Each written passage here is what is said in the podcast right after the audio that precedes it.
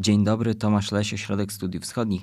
Witam w podcaście OSW. Dzisiaj będziemy rozmawiać o inflacji w Niemczech, jak nasi zachodni sąsiedzi walczą z tym zjawiskiem. Między innymi będziemy opowiadać o czymś, co nazywa się Koncertirte Aktion, czyli wspólne działanie. Czym ono jest i jakie działania podejmują Niemcy, aby z inflacją walczyć. O tym będę dzisiaj rozmawiał z Sebastianem Płóciennikiem, analitykiem OSW. Dzień dobry. To jest podcast Ośrodka Studiów Wschodnich.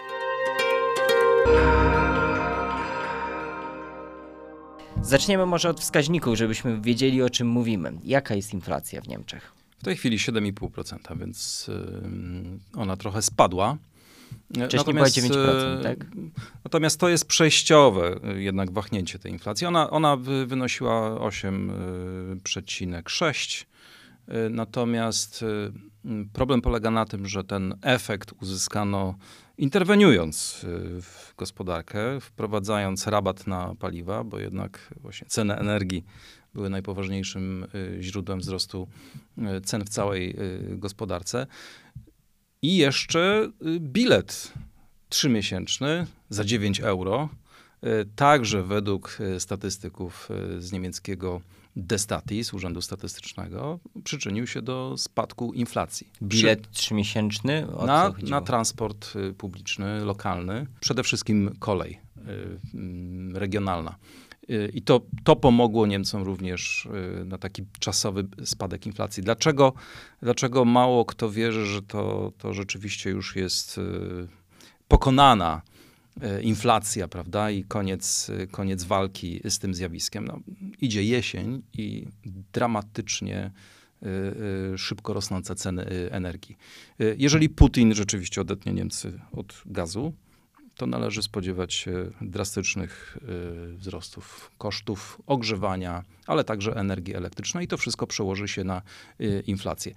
Niemcy prawdopodobnie zmieszczą się w, cyf- w, inflacji jednocyfrowej, ale nie brak analityków, którzy twierdzą, że przebije poziom inflacji też poziom 10%, jeżeli sytuacja będzie naprawdę zła. No jak rozumiem, jest to bardzo nieprzewidywalne, a Niemcy przygotowują się na najgorsze scenariusze, jeśli chodzi o ten sektor surowców energetycznych, o, o gaz, o to, co będzie robiła Rosja.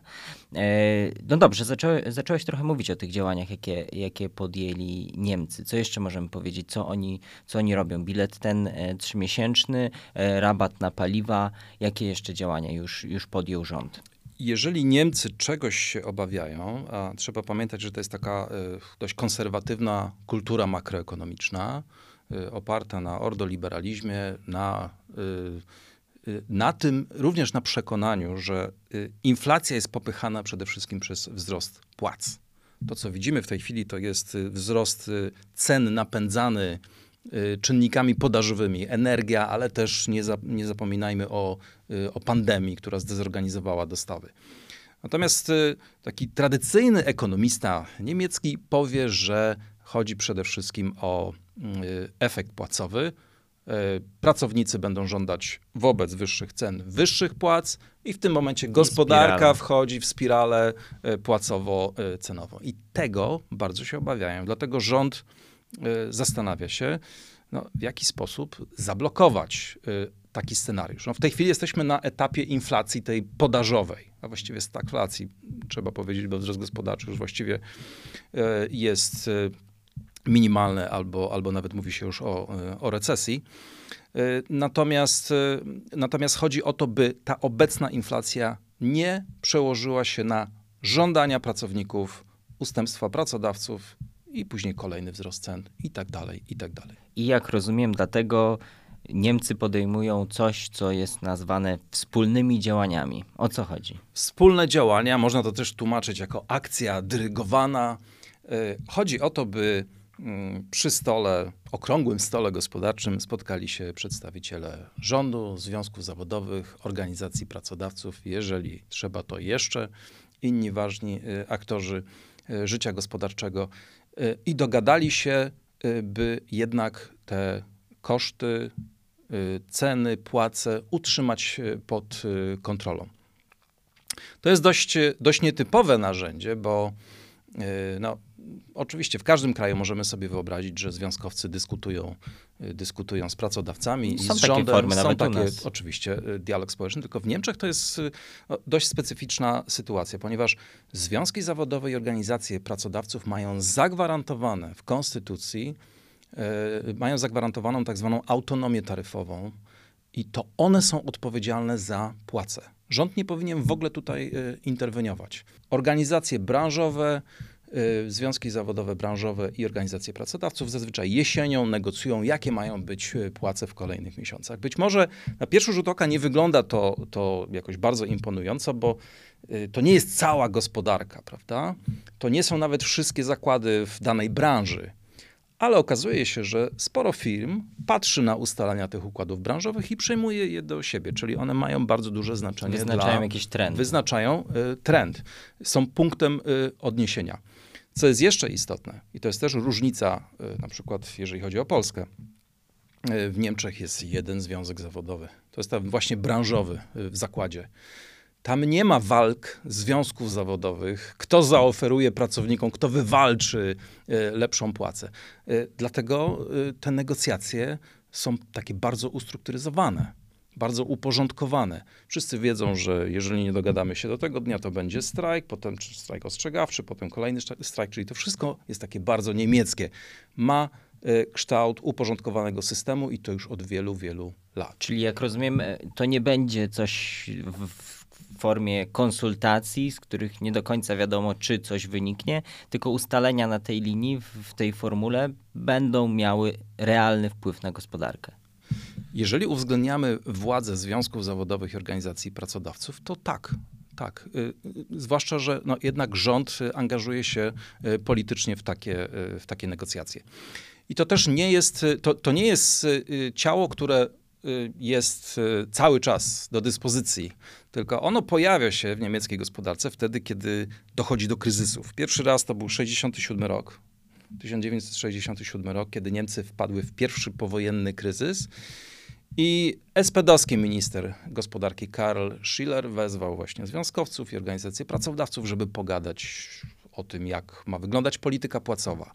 Chodziło o to, by właśnie związki ograniczyły swoje roszczenia płacowe, pracodawcy coś im zaoferowali w dłuższym terminie, że okej, to, s- to odbijemy sobie później i gospodarka niemiecka będzie w tym kryzysie już bardziej konkurencyjna. Będzie miała przewagę nad innymi państwami, gdzie cały system e, odbija się od ściany do ściany. Albo maksymalne podwyżki, albo e, recesja, bezrobocie, e, zwolnienia i drastyczne obniżki płac. Niemcy wolą tym procesem e, sterować. No i takie było założenie tej pierwszej, e, tego pierwszego wspólnego e, działania czy akcji dyrygowanej. Nie do końca się ona udała. Przez 10 lat funkcjonowała, ale były oczywiście awantury pomiędzy związkowcami. Tylko no, jej koniec y, też zbiegł się z inną sytuacją y, gospodarczą, z tym, że Niemcy już zaczęły też wychodzić nawet z tego, z tej recesji ym, lat 70., kryzysu paliwowego i tak dalej, i tak dalej. Ale sama idea takiej makroekonomicznej koordynacji, czyli właśnie branże i cała gospodarka, gdzieś tam powracała. Mhm. Czyli to ma taką formę doraźną. Doraźną, powiedzmy. tak. Mhm. Doraźną, ale jeżeli Niemcy to ogłaszają, to oznacza, że rząd ogłasza, to rzeczywiście Sprawy sytuacja jest, sprawa jest, sytuacja jest poważna i w tym wypadku, akurat jeżeli rozmawiamy o tej akcji e, dyrygowanej, czy o tym wspólnym działaniu, zresztą to już wystartowało 4 lipca, było pierwsze spotkanie e, w urzędzie e, kanclerskim, no to idea rządu jest dość prosta. Chodzi o to, by przekonać partnerów społecznych, by tym procesem jednak kierować, nie doprowadzić do odpalenia y, właśnie tej spirali y, cenowo-płacowej. A rząd na przykład zaproponuje, że przeznaczy większe środki y, na wsparcie dla osób o bardzo niskich dochodach, zreformuje na przykład ten system zabezpieczenia socjalnego i tak dalej, i tak dalej. Wszystkie strony coś wniosą i zostanie zawarte jakieś poro- porozumienie polityczne. O to właśnie będę, będę zaraz cię dopytywał, tylko najpierw chciałem zapytać o to, o, jeszcze o ten kontekst polityczny, to znaczy jak rząd to wykorzystuje, bo jak rozumiem, wykorzystuje też na potrzebę pokazania, że, że podejmuje jakieś nadzwyczajne działania, aby zapobiec tej, jakiegoś jeszcze większego kryzysu. Na pewno y, każdy sygnał wysłany ze strony rządu, że stara się walczyć z inflacją, jest politycznie użyteczny, ale też przemawiają zatem bardzo y, praktyczne y, argumenty. W odróżnieniu do tych y, poprzednich akcji dyrygowanych czy wspólnych, wspólnego działania, zmieniły się w ogóle też ramy prowadzenia polityki makroekonomicznej w Niemczech. Nie ma już właściwie niemieckiego banku centralnego w takiej formie, jaka, jaka była w latach 60. czy 70. No, wtedy Bundesbank był i prowadził politykę pieniężną i jeżeli było zagrożenie inflacją, to po prostu dokręcał śrubę stóp procentowych.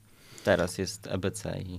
Teraz jest Europejski Bank Centralny i ma bardzo trudną sytuację, ponieważ w niektórych y, państwach, jak Portugalia, y, inflacja nie jest jakoś bardzo wysoka, natomiast y, w krajach bałtyckich mamy ponad 20%.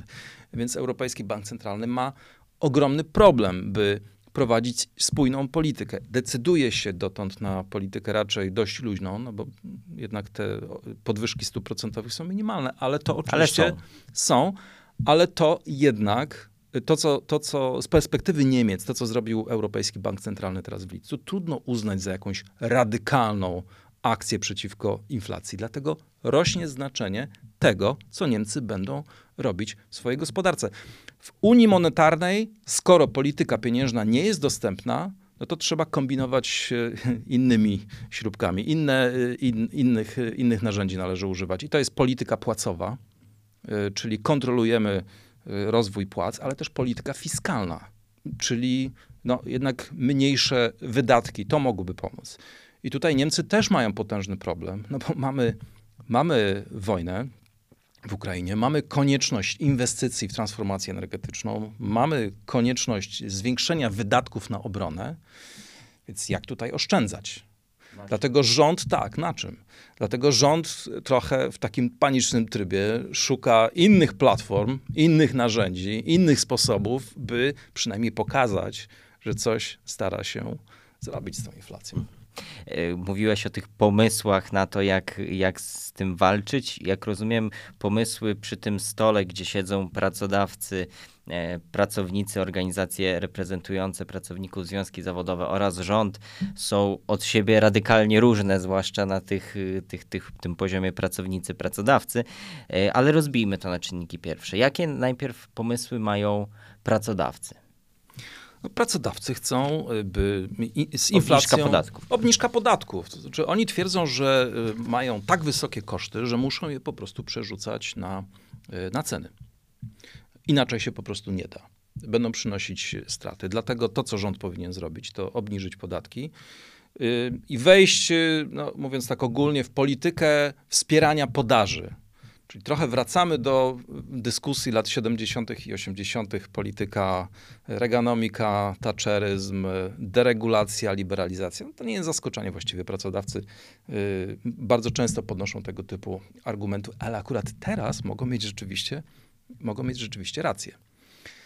Yy, to, jest, to jest pozycja yy, pracodawców. No, pracownicy oczywiście chcą podwyżek i IG Metal, jeden z największych, najważniejszych związków zawodowych, to jest prawie 4 miliony e, pracowników branży e, elektrotechnicznej, maszyny i tak dalej, i tak. Oni żądają 8% podwyżki płac.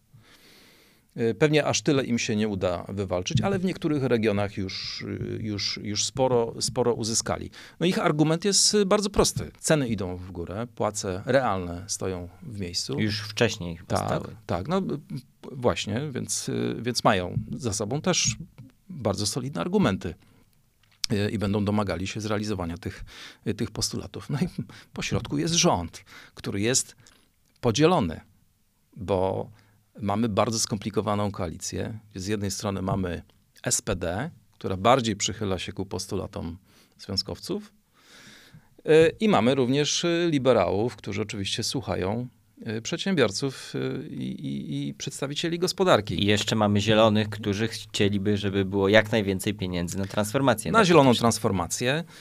I jeżeli gdzieś tutaj w, w tym, tym, tym skomplikowanym układzie wewnątrz rządu coś uda się uzgodnić, to moim zdaniem będzie to wsparcie dla osób o najniższych dochodach.